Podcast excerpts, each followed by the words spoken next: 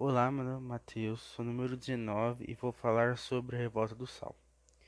A chamada Revolta do Sal ocorreu na capitania de São Paulo, em Minas de Ouro, no ano de 1710, e é considerada pelos historiadores como uma revolta que faz parte dos movimentos nativistas. O sal, no século XVIII, era um produto muito importante, pois era através dele que se conservava a carne vendida nas regiões das minas que haviam crescido bastante devido às descobertas e explorações de ouro e pedras preciosas.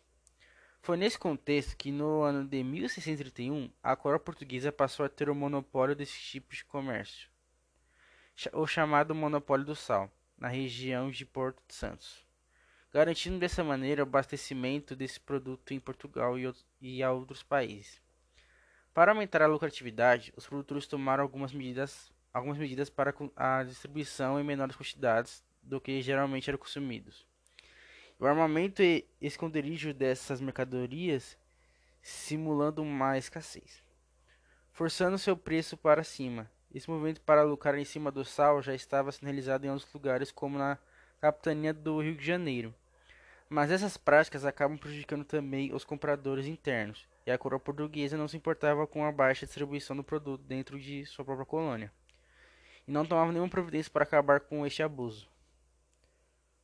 No ano de 1710, diante do descaso das autoridades, o paulista proprietário de terras Bartolomeu Fernandes de Faria juntou um grupo de índios nativos, escravos e armou essas pessoas, com o objetivo de invadir o Porto de Santos e distribuir o sal para aquelas pessoas que necessitam do mesmo.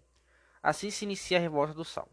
Para evitar que as autoridades fossem atrás dos colonos que invadiram o porto, a mando dele, Bartolomeu Faria ordenou que a ponte que ligava a ilha de São Vicente ao Porto de Santos fosse destruída.